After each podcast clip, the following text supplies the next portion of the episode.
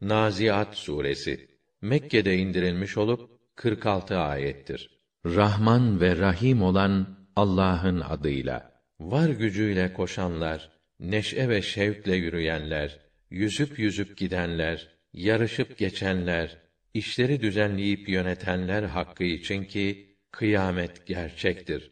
Hepiniz ölümden sonra diriltileceksiniz. Günü gelince sura ilk üfleme yeri şiddetli bir depremle yıkacak.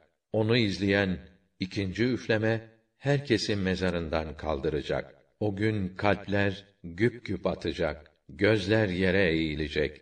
İnkarcılar alay ederek şöyle derler: Çürümüş kemik haline geldikten sonra mı biz eski durumumuza getirilecekmişiz? O takdirde bu bizim için ziyanlı bir dönüş olur. Fakat olay zor değil, bir tek emirden ibarettir. Bir anda mahşerde toplanı verirler. Musa'nın hadisesinden haberin olmuştu değil mi? Hani Rabbi ona Kutlu Tuva vadisinde şöyle seslenmişti: Firavun'a git. Zira o iyice azdı. Ona de ki, kendini arındırmaya gönlün var mı? İster misin seni Rabbine kavuşturan yola vurayım. Böylece sen de ona saygı duyasın. Ona en büyük mucizeyi gösterdi. Fakat o buna yalan dedi ve isyan etti. Sonra sırtını dönüp Musa'ya karşı bir çalışma içine girdi. Adamlarını topladı ve onlara sizin en yüce Rabbiniz benim dedi. Allah onu dünyada da ahirette de şiddetle cezalandırdı. Bu da Rabbini sayacak kimselere bir ibret oldu. Siz ey haşrı inkar edenler düşünün sizi yeniden yaratmak mı zor yoksa gök alemini mi? İşte bakın Allah onu nasıl da sağlam bina etti. Allah onu direksiz yükseltti ve kusursuz işleyen bir sisteme bağladı.